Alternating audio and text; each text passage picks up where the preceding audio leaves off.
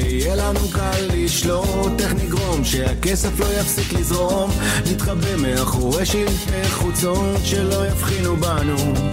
אז נשלח לתקשורת צבא של מעונבים. את דעתכם יסיחו בזמן שאנחנו לוקחים. ההפסד ייפול על אנשים פשוטים שלא בקומבינה שלנו. אז מה צריך? הלצנו שנה מספרת על שני כמרים שהשתחררו בשלהי מלחמת העולם השנייה מצבא בעלות הברית, האחד קתולי והשני פרוטסטנטי. אומר הקתולי לפרוטסטנטי, עכשיו אנחנו חוזרים לעבוד את אלוהים. אתה בדרך שלך, ואני בדרך שלו. להצדקת הדרך שלו, הקים הימין הלאומי השמרני בישראל בעשור האחרון עשרות גופי מחקר ומחשבה נאו-שמרניים, הוצאות ספרים, עמותות ציבוריות וארגוני רדיפה, שפועלים מי ברעש ומי מאחורי הקלעים, מי בהכשרת קאדרים של פעילים בעלי אג'נדה תואמת והחדרתם לעמדות השפעה במערכות השלטון, מי בתרגום ובהפצה של תכנים נאו-שמרניים, ומי בצד אנשי שמאל, אמיתיים או מדומים, במערכות החינוך, התרבות והתקשורת, ומי בהכנת תוכניות עבודה אופרטיביות והצעות חוק לקידום העליונות היהודית משני צידי הקו הירוק. מכנה משותף רחב שאפשר למצוא בו עוינות גדולה כלפי בג"ץ ותמיכה בלתי מעורערת בעמדותיו של בנימין נתניהו והצדקת מהלכיו נגד מערכות אכיפת החוק. הסקרים האחרונים על אובדן האמון הציבורי במערכות אכיפת החוק, גם בקרב המחנה הליברלי, גסיסתו המתמשכת של תהליך השלום והיעדרו מהשיח הציבורי, חוק הלאום ששינה סדרי בראשית וחוקי הסיפוח שבדרך, והתמשכות שלטונו של בנימין נתניהו זה יותר מעשור, מלמדים על הצלחתה של מהפכת הקטיפה השקטה של הימין. היא הולכת ומשתלטת בעשור האחרון על התודעה הציבורית והפוליטית שלנו, כמעט מבלי שנרגיש, ומבקשת לא רק להשליט את דרכה, אלא גם להצדיקה. על כך נדבר הפעם עם אורחנו, חוקר התרבות, ניסים קלדרון.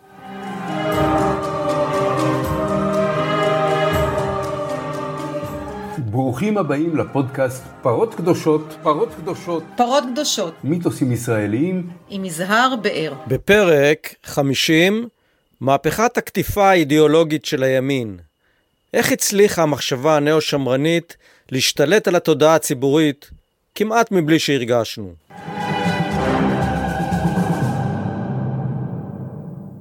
הבה נציין כמה מהגופים הפעילים במרחב הזה וננסה לעמוד על מטרותיהם, על מימונם ועל קשריהם עם צמרת השלטון בישראל. אחד הגופים רבי ההשפעה הוא פורום קהלת, שבין מייסדיו חבר הכנסת צבי האוזר, מזכיר הממשלה לשעבר בממשלת נתניהו, וכיום יושב ראש ועדת חוץ וביטחון.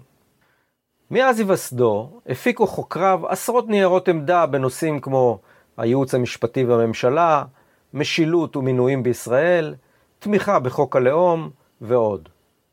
אנשי הפורום גם מגיעים לדיונים שמתקיימים בכנסת ומנהלים לובי לאימוץ חוקים שמרניים ולהגבלת מערכת המשפט. המכון לאסטרטגיה ציונית הוא אחד הגופים המרכזיים שפועלים למתן הכשר אידיאולוגי ואינטלקטואלי לקו הניצי של ממשלות הימין, וגם הוא, כמו פורום קהלת, שמשרדיהם סמוכים זה לזה, היה מתומכיו הנלהבים של חוק הלאום.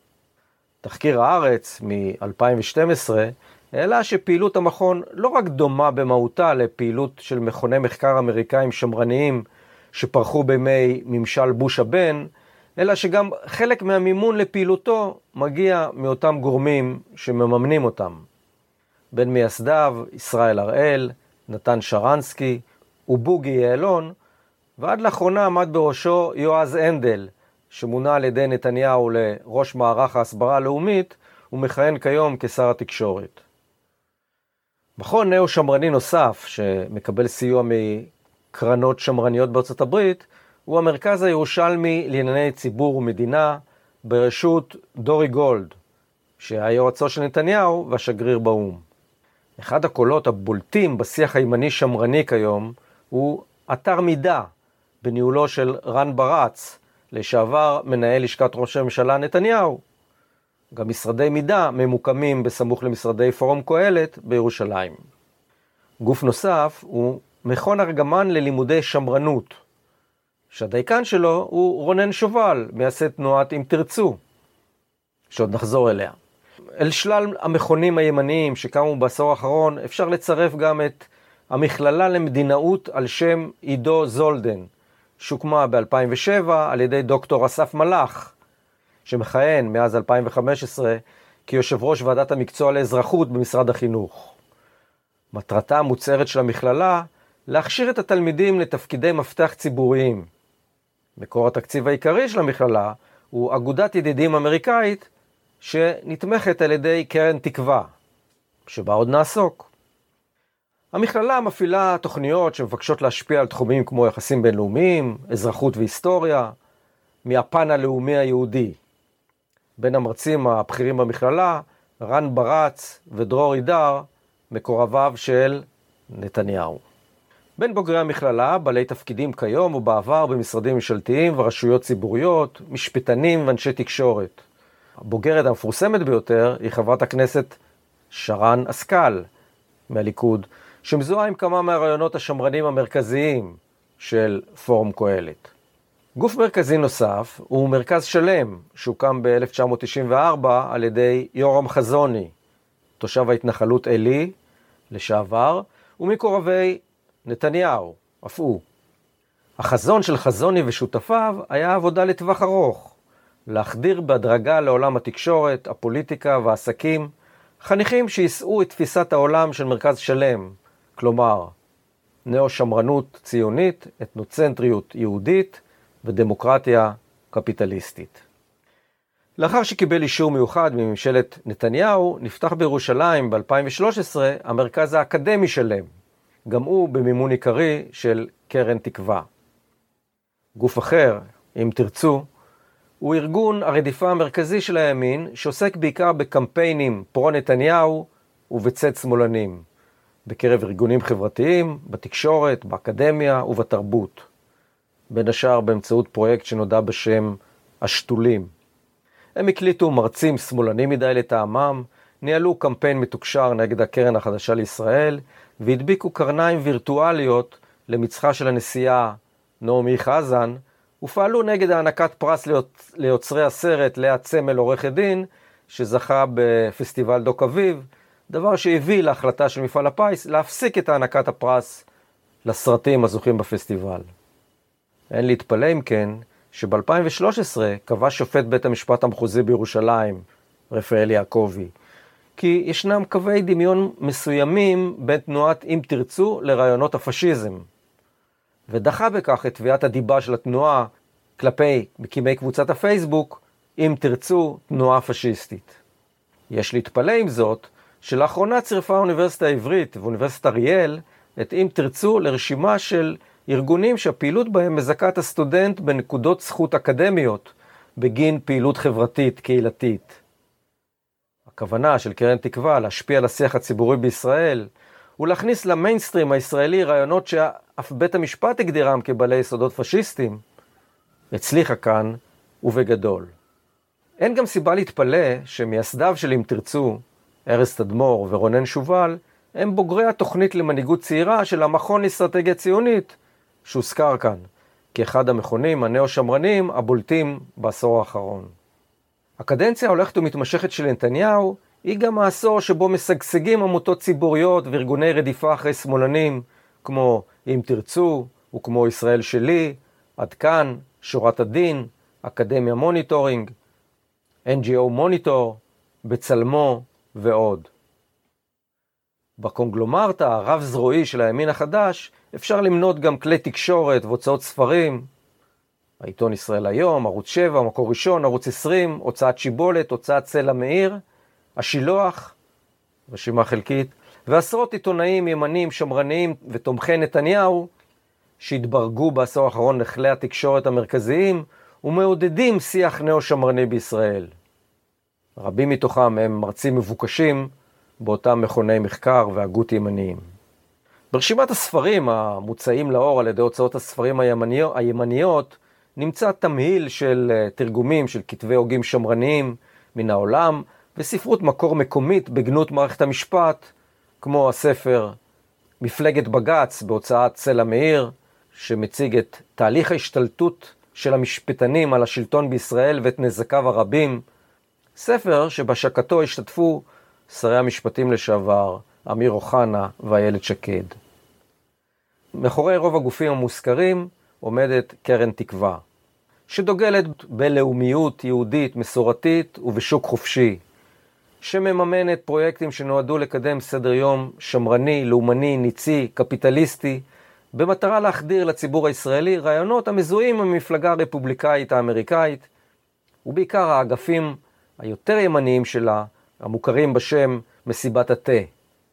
האני מאמין שלה כולל התנגדות להרחבת סל התרופות, תמיכה בהפרטת החינוך, עידוד סגירת מפעלים בפריפריה, דה-לגיטימציה למאבק הנכים וכגון דה. רעיונות של סולידריות חברתית לא עושות טוב לקרן תקווה ולגופים הנתמכים על ידה. המימון של הגופים הימניים שמרניים מגיע כמעט כולו מבחוץ. כסף זר, כמו זה של שלדון אדלסון ורון לאודר, תומכיו המסורתיים של נתניהו. וכך, בעוד שהימין זועק חמאס על ההשפעות הזרות באמצעות תרומות של כסף זר לארגונים ליברליים, הוא עצמו ממומן ובסכומי עתק על ידי רפובליקאים אמריקאים שמטרתם הגלויה היא לשנות את המפה הפוליטית בישראל. אז מה עם אותם רעיונות נאו-שמרניים שבהם אנו עוסקים? אם במקור נוטים לראות את השמאל כדוגל בחופש, אחווה ושוויון במסורת המהפכה הצרפתית, הרי הימין מחזיק בתפיסה ששואפת לשמר את יחסי הקניין והסדר החברתי המסורתי. במהלך ההיסטוריה הקצינו אנשי השמאל והגיעו לקומוניזם ולאנרכיזם, ואילו הימין הרחיק עד למחוזות הפשיזם והנאציזם. אבל כיום הצטמצמו ההבדלים. באופן פשטני אפשר לומר שאם השמאל דוגל בחברה פתוחה, חילונית וסוציאל דמוקרטית, הרי הימין מאמין בחברה סגורה, לאומנית, דתית, קפיטליסטית ושמרנית. הפילוסוף הבריטי, מייקל אוקשוט, טען ששמרנות איננה אני מאמין, או דוקטרינה, אלא נטייה. ב-1956 טען בספרו להיות שמרן, ששמרנות פירושו להעדיף את המוכר על הבלתי ידוע. להעדיף את מה שנוסה על מה שלא נוסה. את העובדה על התעלומה. את הממשי על האפשרי. את התחום על האינסופי. את הקרוב על הרחוק. את המספיק על המיותר. את הנוח על המושלם. את הצחוק העכשווי על החדווה האוטופית. הפחד משינויים ומרוחות חדשות משותף כנראה לכל השמרנים באשר הם. אבל החברה הישראלית היא ייחודית בכל זאת, בשבטיותה, במסורתיותה, ובהיותה נתונה לחרדות קיומיות, והיא כנראה לא ששה לאקספרימנטים מסוכנים, כמו תהליך שלום למשל. יש בה צמאון מובנה לרעיונות שמרניים.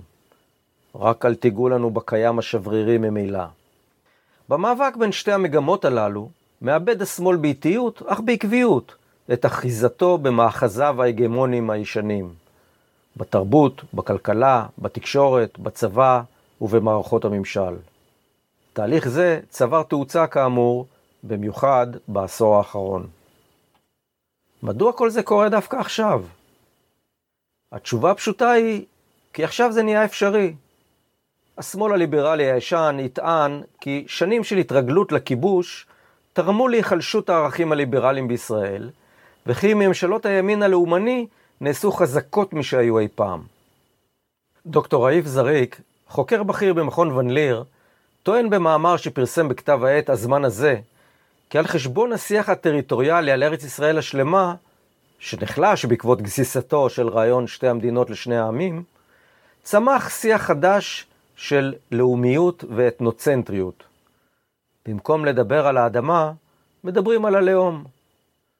הדבר מתבטא למשל בקידום חקיקה אנטי-דמוקרטית, בהסתה נגד הפלסטינים אזרחי ישראל ונגד פעילי שמאל. חוק הלאום לפיכך הוא ההישג הגדול ביותר של קמפיין הימין הזה. ההפרדה המתפתחת בהשראת חוק הלאום אינה הפרדה גיאוגרפית בין כאן לשם, אלא בין אנחנו ובין הם, בין היהודים לפלסטינים, ללא קשר למקום מושבם. מסביר דוקטור זריק. כך שאלת המדינה היהודית והדמוקרטית ושאלת ארץ ישראל השלמה הופכות להיות שתי פנים של אותו הפרויקט. פרויקט הלגיטימציה לעליונותם של כלל היהודים על כלל הפלסטינים בין הירדן לים. הוא מסביר. בניגוד לאינטלקטואלים של השמאל, המטרה של מרכז שלם היא לכבוש את הכנסת, לא את האוניברסיטאות. ניתח ניסים קלדרון את התופעה לפני כעשור.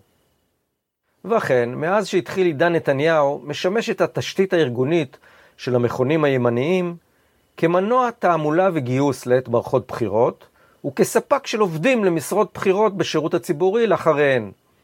כך למשל, מחזורים שלמים של אנשי ובוגרי מכון שלם כבר התברגו במערכות השלטון, ביניהם דוקטור מייקל אורן, שהתמנה לשגריר ישראל בארצות הברית, רון דרמר, שהתמנה כיועץ בכיר לנתניהו ואחר כך לשגריר בארצות הברית, נתן שרנסקי, שנבחר ליושב ראש הסוכנות היהודית, דוקטור איילת מזר, שמונתה לחפור את סילואן עיר דוד, דוקטור אסף מלאך, המתנחל מעופרה שקבע בפסקנות שלא כל עם זקוק למדינה, מונה על ידי נפתלי בנט ליושב ראש הלעומתי של ועדת המקצוע ללימודי אזרחות במשרד החינוך.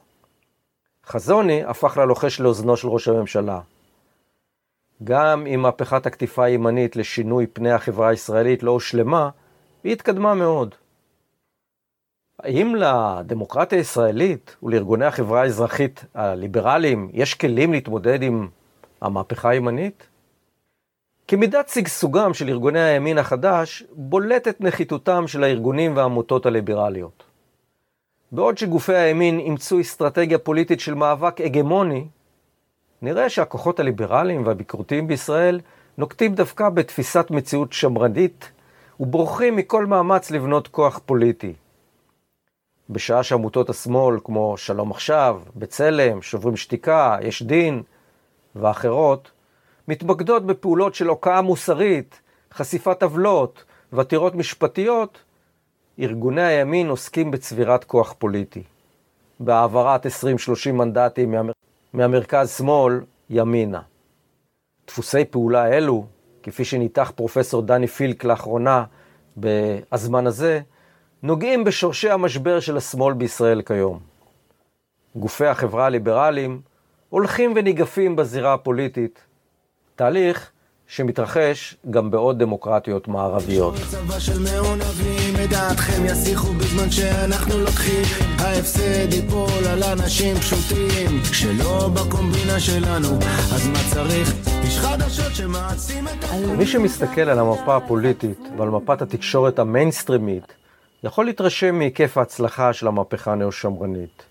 ח"כים, שגרירים ויועצים פוליטיים שגדלו ברשת המכונים שמממנת קרן תקווה, ממלאים את שדרת הממשל המרכזית כיום. בתקשורת המרכזית, לא רק בישראל היום ובערוץ 20, המזוהים באופן גורף עם נתניהו והימין הלאומני, הושתלו דוברים מטעם שמהדהדים את המסרים.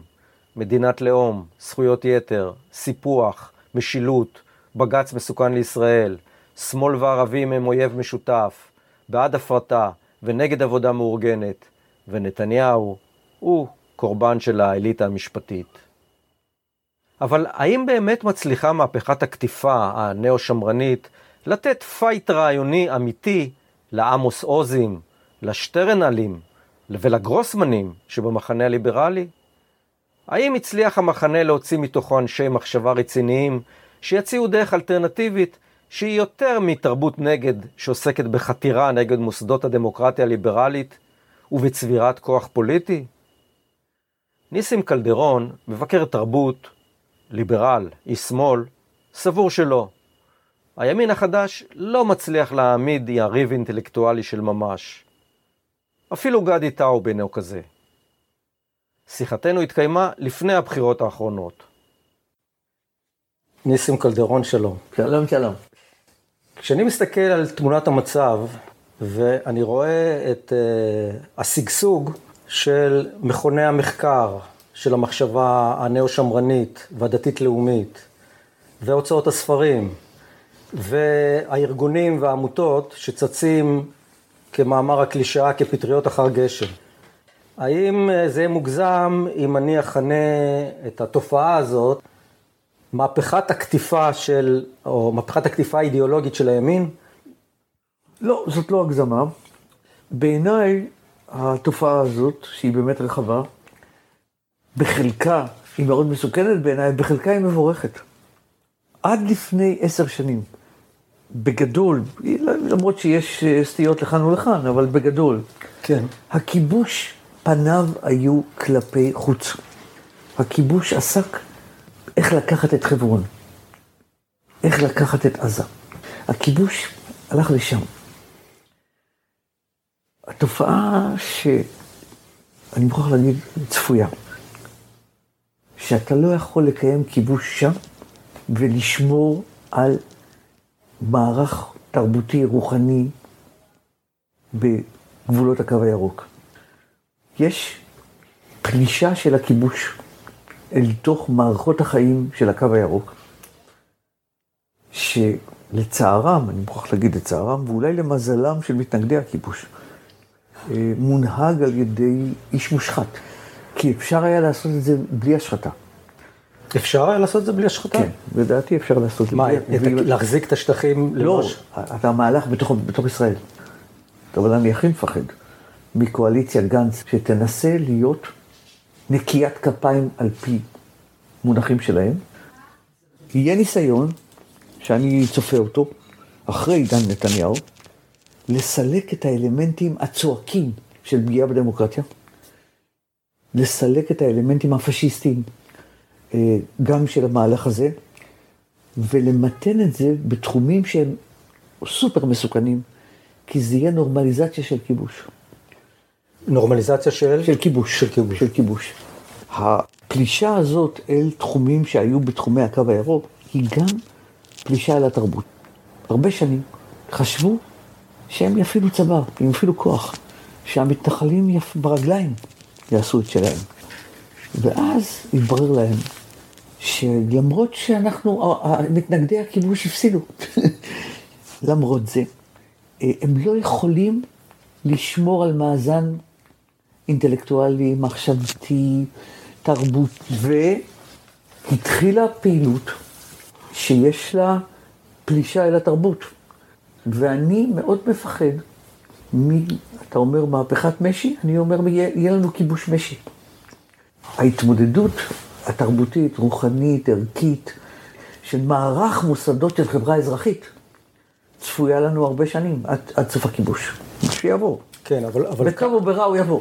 אבל, אבל, אבל כאן, אם אני, אני רוצה קצת להקשות, כיוון שאנחנו רואים מין מוצר כלאיים, אה, שמצד אחד הוא באמת צעקני, בדמות ארגונים, ארגוני רדיפה, אבל מצד שני, וזו ההתפתחות, אני חושב, האחרונה, שצץ כאילו שיח אינטלקטואלי, נאו-שמרני, דתי-לאומי, שדואג להקים אה, מכוני מחקר, הוצאות ספרים, להוציא ספרים, לקיים דיון, בוא נגיד, על אה, אפילו מעל דפי הארץ. סוגריים, גדי טאוב. בהחלט. אז, אז הצעקנות היא רק חלק של התמונה, אבל אנחנו כאן מדברים על תופעה די חדשה, היא עשר, או עשר השנים האחרונות בעיקר, למה עכשיו? ברגע שהלכה והשתרשה המחשבה, האשליה, שהכיבוש יהיה נצחי, שהם כבר ניצחו את הקרב הפיזי, ויש מחשבה כזאת, ולדעתי יש דפוס הצבעה כזה. דפוס ההצבעה של 80% מהישראלים הוא שהכיבוש יהיה נצחי. ברגע שזה ככה, אז ה... הייתי אומר, האלמנטים התרבותיים מעצבנים אותם יותר. אנחנו מעצבנים אותם כעת יותר. תראה, אני אתן לך המחשה למשל. ה-BDS הוא תנועה חלשה מאוד, עם השפעות מעטות מאוד. למה הוא מעצבן אותם כעת כמו שלא עצבן אותם קודם? ברגע שאתה חי בהרגשה, תראה, זה דבר אנושי, שאתה גוזל משהו, אתה גם רוצה להיות צודק. לא רק רוצים לנצח. ברגע שיש הרגשה שאנחנו כבר מנצחים, וזה הולך להיות מצב קבוע, זה מוביל לתאו, לתופעה שאתה תיארת, שהחזית של ארגוני החברה האזרחית הימניים מכילה אלמנט שאני קורא לו פשיסטי, של פעילות שטח רומסת דמוקרטיה לצורותיה השונות, החל, נגיד מהקצה של ארגון להבה, שעסוק ביחסי מין בין יהודים לערבים, ולהרביץ לאנשים ברחוב, דרך, כמו אם תרצו, שזה ארגון הלשנה. פשוט הקימו ארגון כדי להלשין על שמאלנים שהם בוגדים. ו- ויש לדעתך איזשהו לינקג' בין הסוג סוג פעילות של אם תרצו להבה ואחרים ל- לסוג הפעילות האינטלקטואלית כן. הנאו-שמרנית. כן. מה הקשר? אני אגיד לך, ברגע שאתה מרגיש מאוד צודק, אתה גם מנסה בכל כוחך לכופף את החוק, לכופף את סוג ההתנהגות שלך. תחשוב, שמע, בדרום האמריקאי, באפרטהייד, הם היו בטוחים שכשמונעים מערב- משחורים לשתות בברזים, זה צודק, זה, זה טוב. ואז הכוח, הקוקלוס קלן, הוא בעצם סוג של אגף של הרפובליקאי המתון. עכשיו, הם, הקשר קיים, הם מחזקים זה את זה. זה לא מקרה, אגב, שהפרחחות הזאת הלכה יחד עם הצדקה לביבי. זה הולך ביחד. כי הלכה עם? הצדקה לנתניהו, לשחיתות האישית של נתניהו. כן. ולעומת זה, אני חושב שההתמודדות האינטלקטואלית, האגף המנוגד ללהבה ואם תרצו, זה מרכז שלם, זה משיב הרוח, ארגונים של משוררים, ארגונים של השכלה, שהם באמת תרבותיים והם מקבילים למכוני מחקר ולמרכזי תרבות של רפובליקאים בארצות הברית, שהם מנהלים ויכוח הוגן, שתמיד היה. שמע, לז'בוטינסקי היה קייס והיה עיתון בשם האומה, וניהלו ויכוח הוגן. לדעתי זה טוב, יש משהו טוב בזה. מכיוון שצריך להתווכח, וזה סוג של ויכוח. יש קייס שמרני, היסטורי. שמע, אתה יודע שהקייס הזה השמרני באירופה צמח על רקע התנגדות המהפכה הצרפתית. אבל, אבל אם אתה אומר שיש לינקג' בין, בין הפרחחות של אם תרצו ושות' למכונים האינטלקטואליים או הפסבדו או האקדמיים וכדומה, אז, אז מהו הטוב שיש בפעילות הזאת?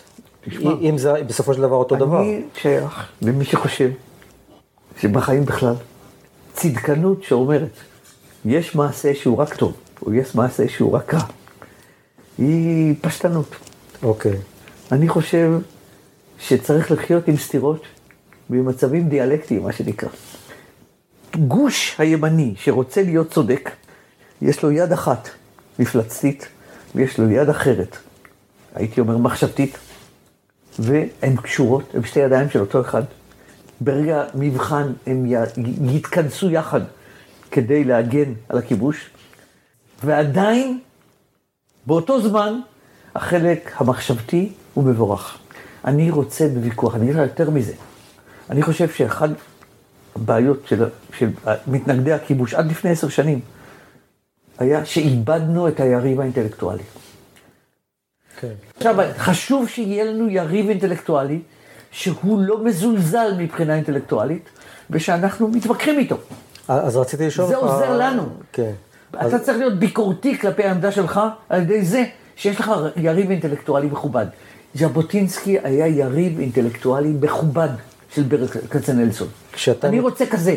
ואני יודע שהמחיר הוא שיש לזה אגף פשיסטי, כמו שגם לז'בוטינסקי היה את ברית הבריונים. זה, זה, זה, זה, זה הולך ביחד, אי אפשר. עכשיו, האשליה היא שהם יוכלו לנצח, אתה מבין? למתן את זה רק לעולם בלתי פשיסטי. הכיבוש יעשה פשיזציה מתמדת. אבל המצב הדיאלקטי היא שטוב לנו להתמודד עם האגף המחשבתי, האסתטי, הספרותי, האידיאולוגי. אז כאן אני רוצה לשאול אותך, האם אתה יכול אה, לנקוב כמידת היכרותך עם ההגות הנאו-שמרנית דתית-לאומית בשמם של אנשי הגות שהם בעלי ערך בעיניך? כי אמר לי מישהו מהאקדמיה, איפה לצד השני יש את השטרנל שלו? יש, יש בצד השני את השטרנל שלו? כתב העת תכלת, שהיה יוצא על ידי מרכז שלם, אני קראתי אותו. ואני הצטערתי ביום שהוא נסגר. אני אשמח אם הוא יתחדש. כתב התכלת הבין שיש יסודות לעמדה שמרנית אה, שלוקחים אותם מאוד ברצינות.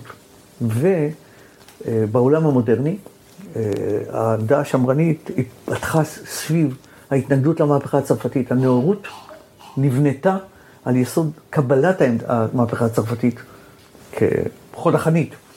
סוגריים, זה לא מקרה שהפוסט-מודרניים אימצו עמדה שמרנית והתנגדו למהפכה הצרפתית מהצד האחר ולנאורות. אבל אחד הדברים הראשונים שהם הוציאו זה מחשבות על מהפכה הצרפתית של אדמונד ברק, ששום הוגה דעות אירופי לא מבטא אותם, והם תוצאה של השאלה, הייתם צריכים לשפוך כל כך הרבה דם, איך זה באנגליה נעשה בלי, שפר, בלי, בלי שפך דם כזה?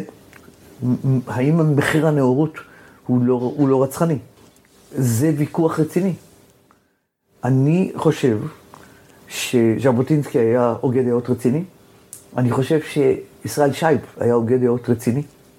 אה, בכלל, הלח"י, מי שמתעניין במחשבה, כדאי לו לקרוא את אה, הטקסטים שהתפרסמו בהמאס של הלח"י. אה, העיתון, עיתון הקיר אפילו של כן. הלח"י. היום, בשיח די היום. מי, מי יכול... מי, כן. הבאר הזאת יובשה על ידי, א', מיתוס הכוח שצמח, אתה עוסק במיתוסים, בתוך תנועת העבודה עצמה.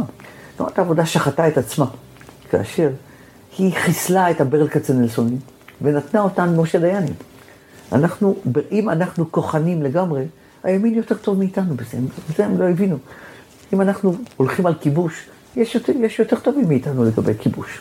ברגע שהאלמנט האנטי-אינטלקטואלי צמח מתוך מפלגת העבודה, מתוך השמאל, אז אנחנו מסרנו לימין מסורת אנטי-אינטלקטואלית, שתוצאתה הייתה באמת 40 שנות מגפיים כובשות בלבד.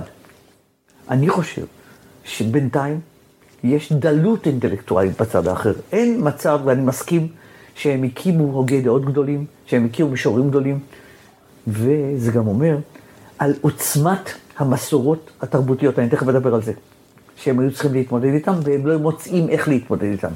שמע, אם מדברים על רוח, זה לא צומח ביום אחד, זה צומח דור אחרי דור, זה אדמה שצריך לדשן אותה בשביל...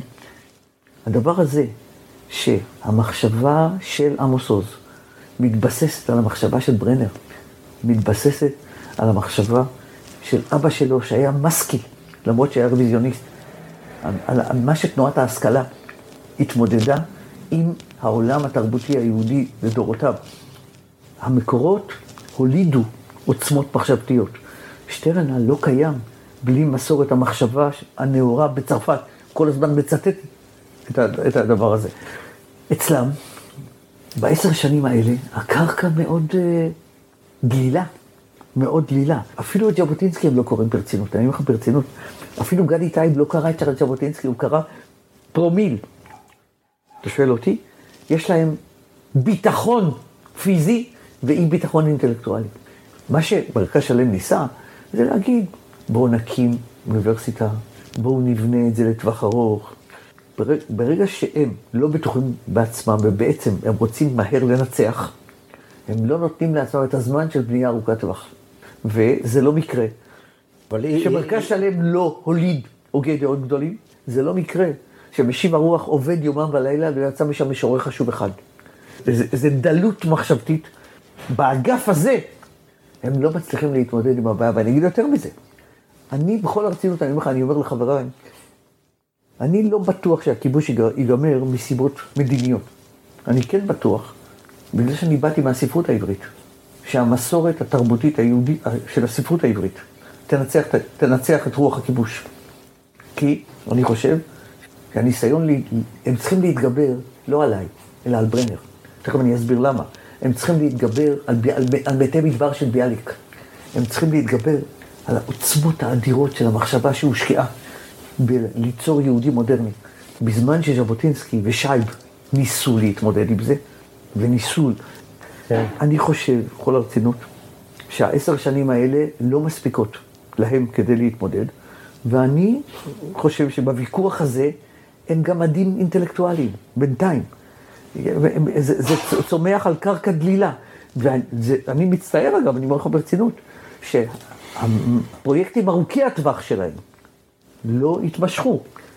שואלים אותי כל פעם מה דעתי על משיב הרוח, אני אומר, כף רגלי לא דורכת, הם מנסים להזמין אותי. אני אומר, אתם משורי, הזמירים, הציפורי הזמירים של הקלגס הדורס. אבל, אם שואלים אותי, אם אני בעד זה שתצאו, כן, אני בעד זה שתצאו. אני, אני רוצה לקרוא אתכם, אני רוצה שתפרסמו, בטח. כי בוויכוח הזה, אני בטוח שננצח. המיתוס שאנחנו טובים כי אנחנו שוחרי שלום וכדומה, הספרות העברית בנתה נוגדנים כלפי זה. כשעמוס עוז הולך בעיר העתיקה, תכף אחרי, כשהעוזי עוד על כתפיו, הוא אומר, זה עיר זרה, זאת העיר שנולדתי בה, זה עיר זרה. ברנר הכין אותו לזה, ביאליק הכין אותו. הוא הכין אותנו למנגנוני ההרס שלנו, ולא רק למנגנוני כן. הבנייה שלנו. מה זה שמחת עניים של אלתרמן? אימה אפלה. כן. הספרות העברית והתרבות העברית הכינה אותנו למנגנון מעכל מיתוסים. מה, עגנון היה שמרן בדעותיו, שנא את אה, אה, ברית שלום, כן. בגדול איש ימין. מה זה אתמול שלשום? הסכנה שבלק יחזיר כן. אותנו אל מאה שערים. כן. בלק של ירושלים ינצח את יפו. ואימה עוברת עליו כשהוא מדבר על זה. ההתנערות של העם היהודי, שהתחילה בהשכלה ועברה אל הציונות, יצרה מנגנונים אינטלקטואליים יוצאים מן הכלל, רציניים, אחראיים, ביקורתיים כלפי עצמנו. בזכות המבוכה ובגנות הטיח. זה דבר מאוד חזק. כן. ביום שבו הימין יאמץ את בזכות המבוכה אצלם, יהיה לנו יריב רציני. אז, אז הוא, לא, הוא לא יריב רציני היום? ואני אומר ברצינות, הם לא פיתחו יריבים רציניים בינתיים. איש מנגנון שמחסל את הוועד ודובר נחמד. איש ציבור שמפעיל את היח"צ, איש פרסום שמשווק את הנחת, פוליטיקאי שמפריד את היחד ומציל את התחת. אז הייתי רוצה לשמוע את דעתך לטיעון הזה של, של גדי טאוב. הוא אומר שבעצם ההגנה על אה, מדינת הלאום נובעת מאיום על ה... שהערכים הגלובליים מאיימים על החלשים, הוא אומר, הוא מחזק את החזקים. זאת אומרת, הגלובליז... הגלובליזציה מאיימת על החלשים, מחזק את החזקים. עמידה על ריבונותן ועל עצמאותן של מדינות הלאום, היא הנתיב היחיד הפותח לפני... הפתוח לפניהם כדי להגן על ריבונותם ועל עצם קיומה של הדמוקרטיה. השמאל ממשיך לדבר במונחים הישנים, עניים מול עשירים, מיעוטים מול רוב, בשעה שקווי השבר הסוציולוגיים המתהווים מפרידים במידה גוברת והולכת בין אליטה עשירה, שופקיה בינלאומיים, הגלוב... הגלובליזציה, והיא מנוכרת לעניי עירה, לבין אזרחים מהמעמד הבינוני ומטה, הנטועים בקרקע הלאומית ותלויים מבחינה תרבותית, כלכלית ופוליטית בעצמאותן של מדינות הלאום. שזה, שזה קו השבר בעצם. איך, איך אתה מתייחס לזה? גדי טאוב אימץ את בנון, זה רעיון של בנון, על הנייחים והניידים. בנון... סטיב בנון. פעם היו אומרים שאנטישמיות היא הסוציאליזם של הטיפשים. בנון יוצר מצב שהגזענות שלו, האנטישמיות, שהיא גם ביסודה אנטישמית, היא לא רק, היא, היא הסוציאליזם של הנוכלים. חוסר היכולת של גדי טאוב להבין שבנון שטחי כמו נייר. שייב היה צוחק על זה. הדיבור הזה הוא לחלוטין מופרך, מופרך לגמרי. למה? הוא מדבר על גלובליז... על, על הניידים והנייחים. קודם כל, עובדה פשוטה. כל מי שחי בעולם הזה יודע. תסתכל מה קורה בלוד. המעמד העני והבינוני הוא מעמד נוסע היום. הוא מעמד מאוד בינלאומי, מאוד נוסע. יותר מזה, אני יכול להגיד לך... פועלי הנמלים, המשכורות של פועלי הנמלים. לא, אז זה עזוב, זה משכורות מוטרפות, אבל גם המשכורת הרגילה מאפשרת לך בלואו-קוסט ובהוזלה המדהימה של מצב שבו אין שום בעיה למשכורת סבירה, לא משכורת מטורפת. לנסוע פעמיים שלוש בשנה. התיירות פורחת.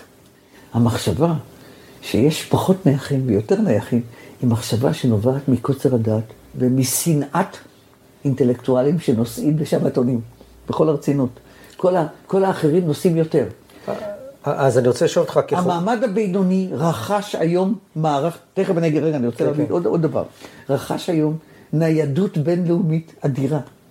א', ב', דיבורים נגד ניידות, המחשבה שאנחנו ניידים, מה יותר נייד? מדינת ישראל חיה על הניידות שבין ירושלים לבין וושינגטון. אין אף מדינה בעולם שמקבלת ככה את הניידות הזאת. מה זאת אומרת?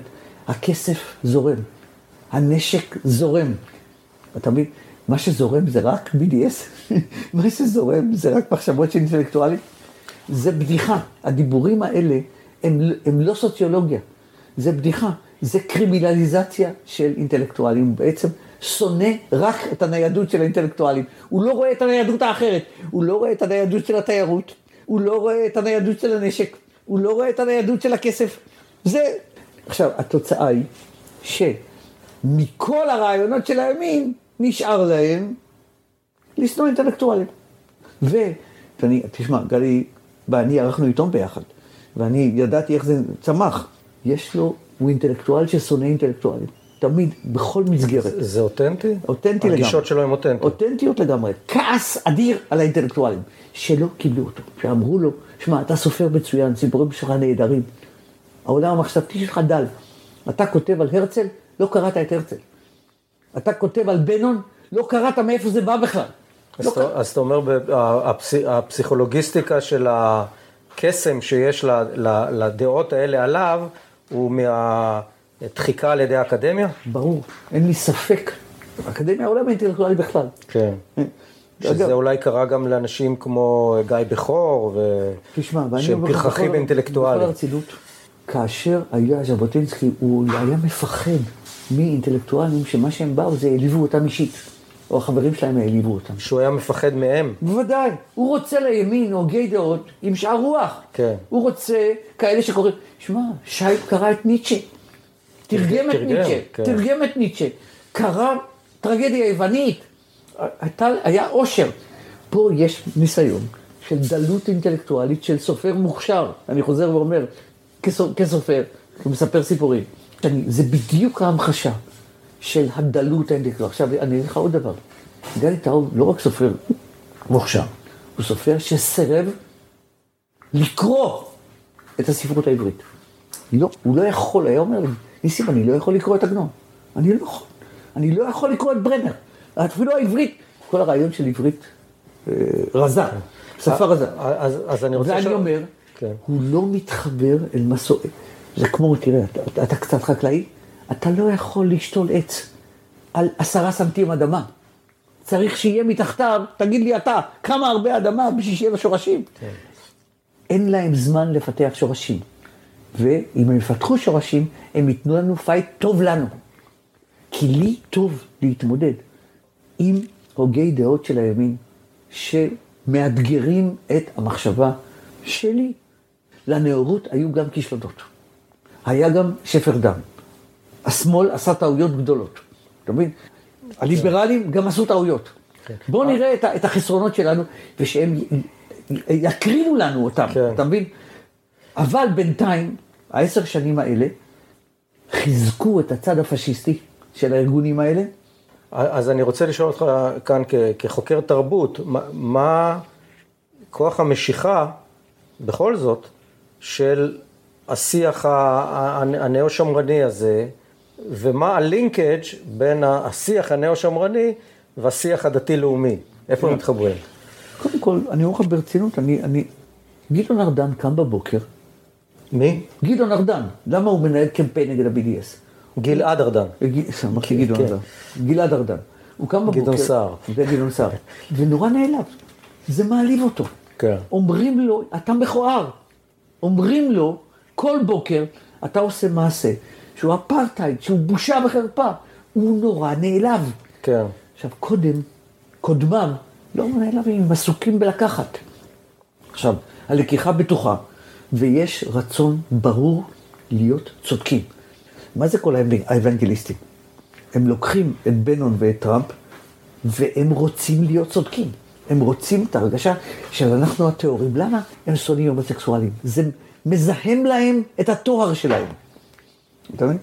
יש רצון ברור של, הייתי אומר, הקלגסים, להגיד אנחנו צודקים, אנחנו טהורים, אנחנו לא קלגסים, אל תסתכלו על המגפיים שלנו.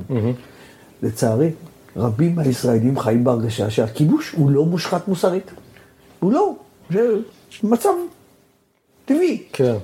הרצון הזה הוא רצון מאוד חזק, והוא מוליד גם ארגונים שפועלים כפשיסטים נגד גילויים של נאורות. כן, אבל אה, איפה מתחבר השיח הנאו-שמרני נגד עבודה מאורגנת, נגד אה, סיוע ישיר לאוכלוסיות אה, מיעוטים, אוכלוסיות במצוקה וכן הלאה, לבין השיח הדתי-לאומי. בניגוד לשטרנר, כן. הידע שלי במקורות המחשבתיים של הימין אומר שזאת עוד דעה קדומה. היה ימין פשיסטי חזק שהיה אכפת לו במשכורות. היה ימין פשיסטי חזק. הסוציאל נציונליזם. ודאי, היה. אתה יודע, למשל, האיגודים מקצועיים אמריקאים הם חוד החנית של המאבק, היו חוד החנית של המאבק נגד מלחמת וייטנאם. אתה יודע שכשהסטודנטים היו מפגינים ברחוב, איגודים, פועלי איגודים מקצועיים היו יוצאים עם מקלות בייסבול להרביץ להם. למה? אתם פוגעים במשכורות שלנו, אתם פוגעים בסידור שיש לנו כדי שהמשכורות שלנו יהיו סבירות. כחלון כזה. לדעתי זה כאילו המחשה, הכישלון של כחלון. כחלון אמר, עזבו אותי שאני אוהב את השטחים, אני רוצה דירות זולות. אני מאוד מפחד מימין שיוצר כיבוש ומסדר את היחסים בין עובדים ודואג לשיכון ודואג לתחבורה בשבת. אבל הימין למד הרבה מאוד מהניסיון הסובייטי. אתה יודע, מה, מה זה מועצת פועלים? זה סוג של סובייט. Mm-hmm. סוג של סובייט. תחשוב, בן גוריון לומד מזה, ואחר כך נוסע לאמריקה, ולומד שיש דמוקרטיה. ואיך שהוא מחבר, ובקשר עם הלייבור. תראה איזה עבודה מחשבתית מעניינת הייתה, נעשתה שם. גם הימין יכול ללמוד. כן. שבעצם כל המתקפה המסיבית על המנגנונים הדמוקרטיים, על בג"ץ, החוק הלאום, אה, אה, כל, כל, כל החוקים, החוקים הנוראים שעלו כרעיונות וחלקן אה, יושמו, הם הם מבית היוצר של אותם מכונים ושל אותם אנשים ש, שלמדו ב, ב, ב, במרכז שלם, והחבר'ה שכמו שיועז הנדל, בוגי אלון ו... ואיך קוראים לו שהיה מזכיר הממשלה? האוזר. שהם הם, הם מנסחי חוק הלאום בעצם. אני אגיד לך יותר מזה, אתה רוצה שאני אשים את זה על נקודה? פורום קהלת. כן, פורום קהלת. פורום קהלת יושב ועסוק בלהוציא ניירות עמדה.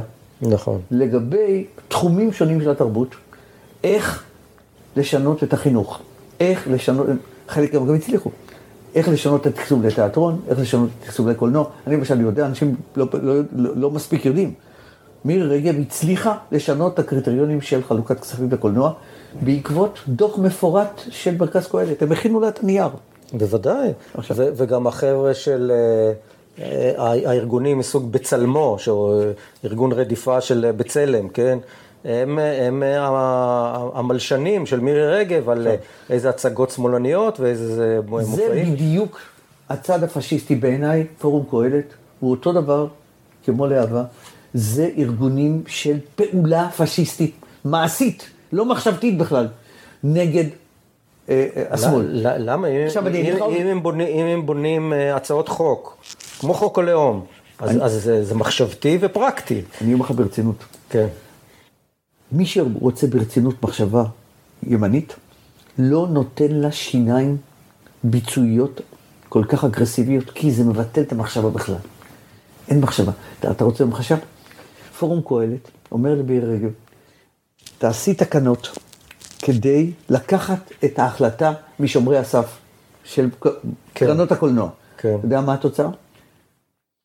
זה טמטום תרבותי, זה בהמיות תרבותית.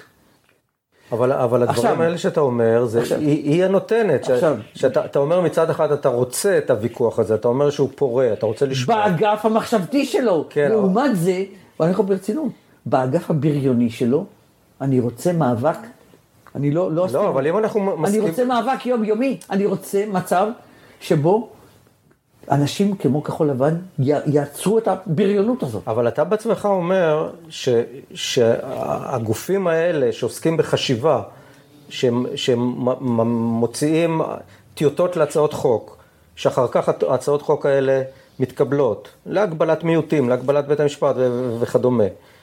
אין כאן הפרדה בין המחשבה לבין עולם המעשה. זה, זה, אני רוצה את ההתמודדות המחשבתית. כן. אני אומר ברצינות. אבל איך אפשר להפריד ביניהם? אני, אני, אני לא רוצה להשתיק ויכוח, בגלל שהוויכוח יכול להוביל לסכנות.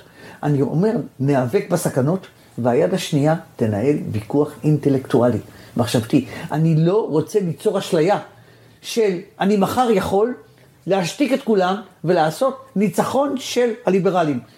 אני נאבק נגד חוק הלאום. אני לא נאבק נגד ספרים שמסבירים את עוצמת הלאומיות.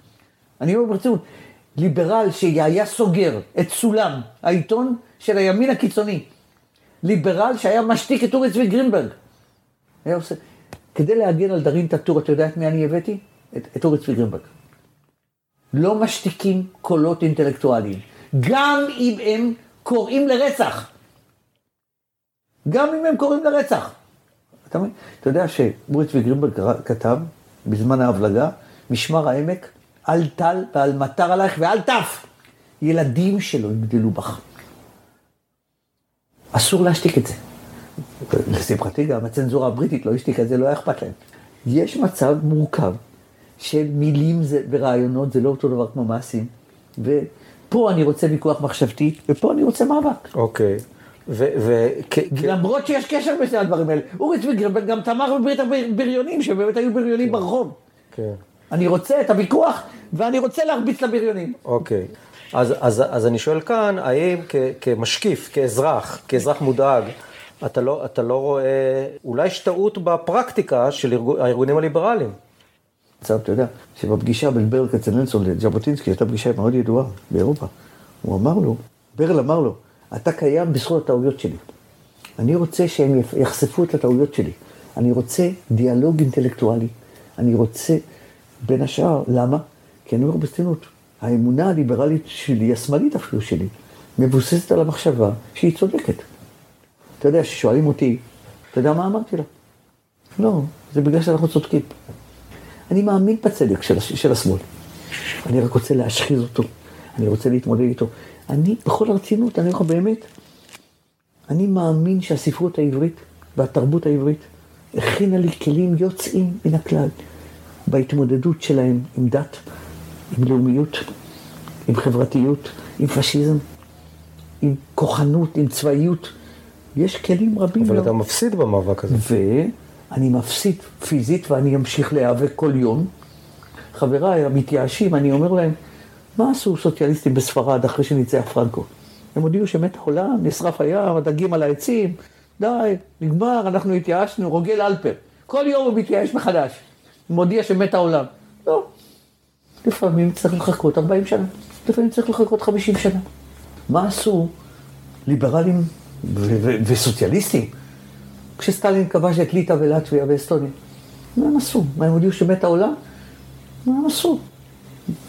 הם המשיכו, קמים בבוקר ונאבקים כל יום מחדש. כן. על יסוד מה? יש לי ביטחון מחשבתי, יש לי ביטחון אינטלקטואלי. אני הולך לבית המדרש שלי ולומד ברנר, ויוצא עם חולצה לבנה ביום האבל. אני, יש לי, אני מטפח את המחשבה, ובשביל לטפח את המחשבה אני רוצה יריב מחשבתי טוב. נגד פשיסטים צריך להיאבק, פיזית, פיזית, אפילו ברחוב. היד השנייה היא יד מחשבתית, ואני אעשה את שני הדברים. כן. יש טענה שאומרת שבזמן שהארגונים הליברליים עוסקים בזכויות אדם, ואנחנו א-פוליטיים, ואנחנו אה, א-מפלגתיים, וכן הלאה וכן הלאה וכן הלאה, המחנה השני עסוק בכתיבת טיוטות להצעות חוק שמתקבלות. מה, גם אני כותב טיוטות לעצמאות בית המשפט. גם אני כותב טיוטות למגילת העצמאות. גם אני כותב טיוטות ל... כתבת. כתבתי, ואני ממשיך לכתוב, אני אומר ברצינות. אני, אני, אני ממשיך לכתוב. נראה שהקרניים של הקרן החדשה שהצמיחו להם, זה כבר פסה. היום זה הקרניים של, בג... של בית המשפט העליון. ברור, וזה... ברור. מה, ברור. מה, מה הדינמיקה? לא רק זה, מחר זה השופטים של ביבי. כל יום הוא מוצא פושע חדש. כן. כל יום הוא מוצא פושע חדש. אני, אני, אני אומר ברצינות, אסור להיות גם תינוקות של ההיסטוריה. אנחנו לא הראשונים שפשיזם מגיע אליהם. באמת לא. באמת לא. יש איטליה ויש ספרד ויש פשיזם סטליניסטי. אנחנו עוברים כעת תקופה איומה של פשיזציה. אתה יודע, יש שורה כזאת של ברכט, על מה נכתוב בימים האפלים? נכתוב על הימים האפלים. אבל... אה, זה נכון, לא נעצום עיניים. כן. ובכל הרצינות, בתחום שלך, ניאבק נגד מיתוסים מכל הסוגים. המיתוס של הכוחנות איים על הציונות מההתחלה. כשביאליק כתב את מתי מדבר, הוא אמר להם, תיזהרו מכוחנות. מה זה שמחת עניים? זה סירוב לקבל את הדת היהודית כמיתוס מכונן. אני אכתוב מיתוס אחר. אלה שכתבו מיתוסים, לימדו אותי להיזהר ממיתוסים אחרים. איך נגרום שהכסף לא יפסיק לזרום נתחבא מאחורי שלטי חוצות שלא יבחינו רק רציתי אולי לסיום, אה, אה, אתה אמרת לאותה גלית... אה, אתה בריאן. אתה בריאן. אתם לא מצליחים לשכנע שאתם צודקים. אנחנו צודקים. כן. אז אם, אם אנחנו צודקים, כלשונך, אז, אז למה אתם מפסידים? התנ"ך עוד העלה את העניין של צדיק ורע לו. כן. צדיק, העובדה שאתה צודק, לא אומר שאתה מנצח, זה לא אותו דבר. כשאתה אומר צודק, זה צודק מבחינה מוסרית. כן, מוסרית, מחשבתית, אינטלקטואלית, כן. מחשבתית, סוציולוגית. זה, זה, לא, זה לא אומר שאתה, שאתה, שאתה אפקטיבי מבחינה זה פוליטית. לא אומר שאתה אפקטיבי, לא רק זה. אתה צריך לדעת שיהיו תקופות שאתה תהיה מאוד לא אפקטיבי. כן. צריך להניח תקופות שאתה תהיה בבור. צריך להניח תקופות שהרוע מנצח. אגב, אחת האשליים, אחד המיתוסים של הליברלים, זה שהטוב מנצח. כן. לא, לא בהכרח הטוב מנצח. כן. אז אה, ב- אם אנחנו נסגור את, את ה... ונחזור להתחלה, ל- אה, כשאנחנו מדברים על, על כל הרשת הזאת, ש, שכבר אה, כינינו אותה בשמות, עם ארגונים ועמותות ומכוני מחקר והוצאות ספרים ושיח ו, ו, ודפי עמדה וניירות עמדה והצעות חוק וכדומה, אתה יכול אה, להעריך את זה, לכמת- את זה, איזה משקל פוליטי יש לדבר הזה, לקיום הזה, למסה הזאת? תראה, היום המשקל הפוליטי גובר על המשקל האינטלקטואלי. והם בעיקר מצליחים, כמו פורום קהלת, להשפיע על חוקים, להשפיע על מנגנוני דיכוי דמוקרטיה, אה, לרדד מחשבה. למשל, יש רידוד עצום של המחשבה הדתית. רידוד עצום של המחשבה הדתית. אבל אני לא שוכח שבקצה יש להם טענה אינטלקטואלית, שעדיין היא לדעתי חלשה מאוד, אבל אני מחכה ליום שהיא תתפ- תתפתח, מהי? כדי שהיא שמרנות לאומית. הנאו-שמרנות. נאו-שמרנות, לאו- נאו-לאומיות, הבנה של יחסים אחרים. תראה, שמרנות זה נגד מעורבות המדינה במשק, נכון? ביבי גאה בזה.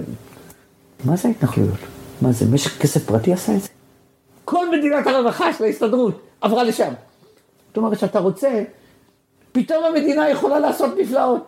מיליונים, מיליארדים יכולה, לה- יכולה להשקיע.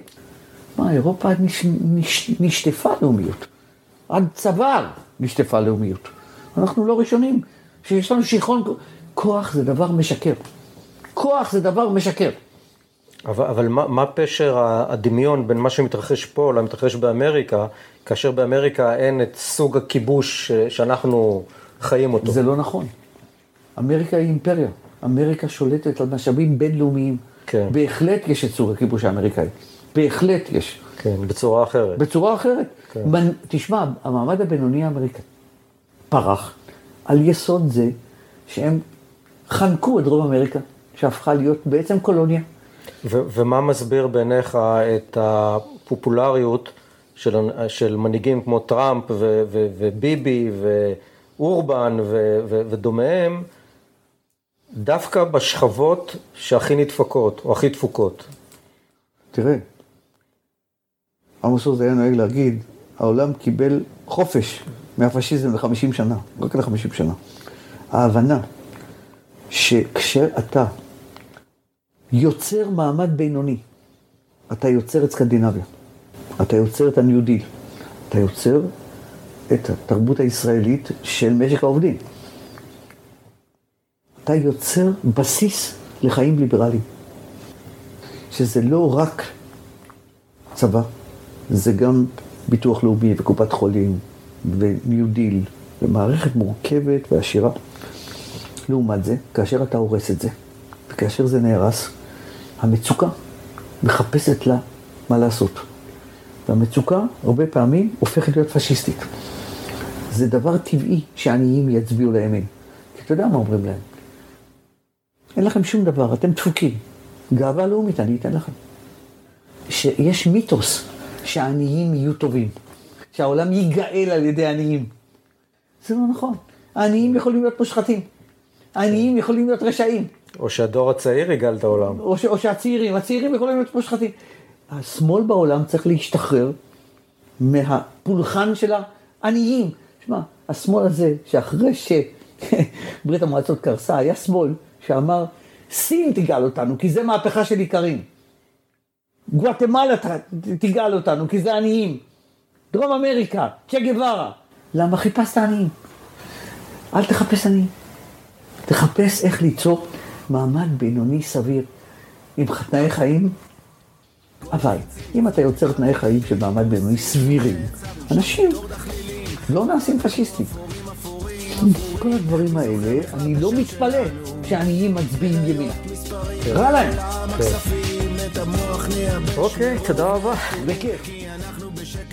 בהזדמנות זאת, אבקש להודות לקובי עוז על שאפשר לנו להשתמש בדחלילים, השיר החדש של טיפקס, האקטואלי כל כך. מאזינות ומאזינים יקרים, עמל רב מושקע בהכנת כל פרק מהפרקים שאתם מאזינים לו, והכל בהתנדבות. לפיכך, כל תרומה שתעבירו תסייע להמשך פרויקט פרות קדושות. תודה שהאזנתם, ולהתראות בפרק הבא.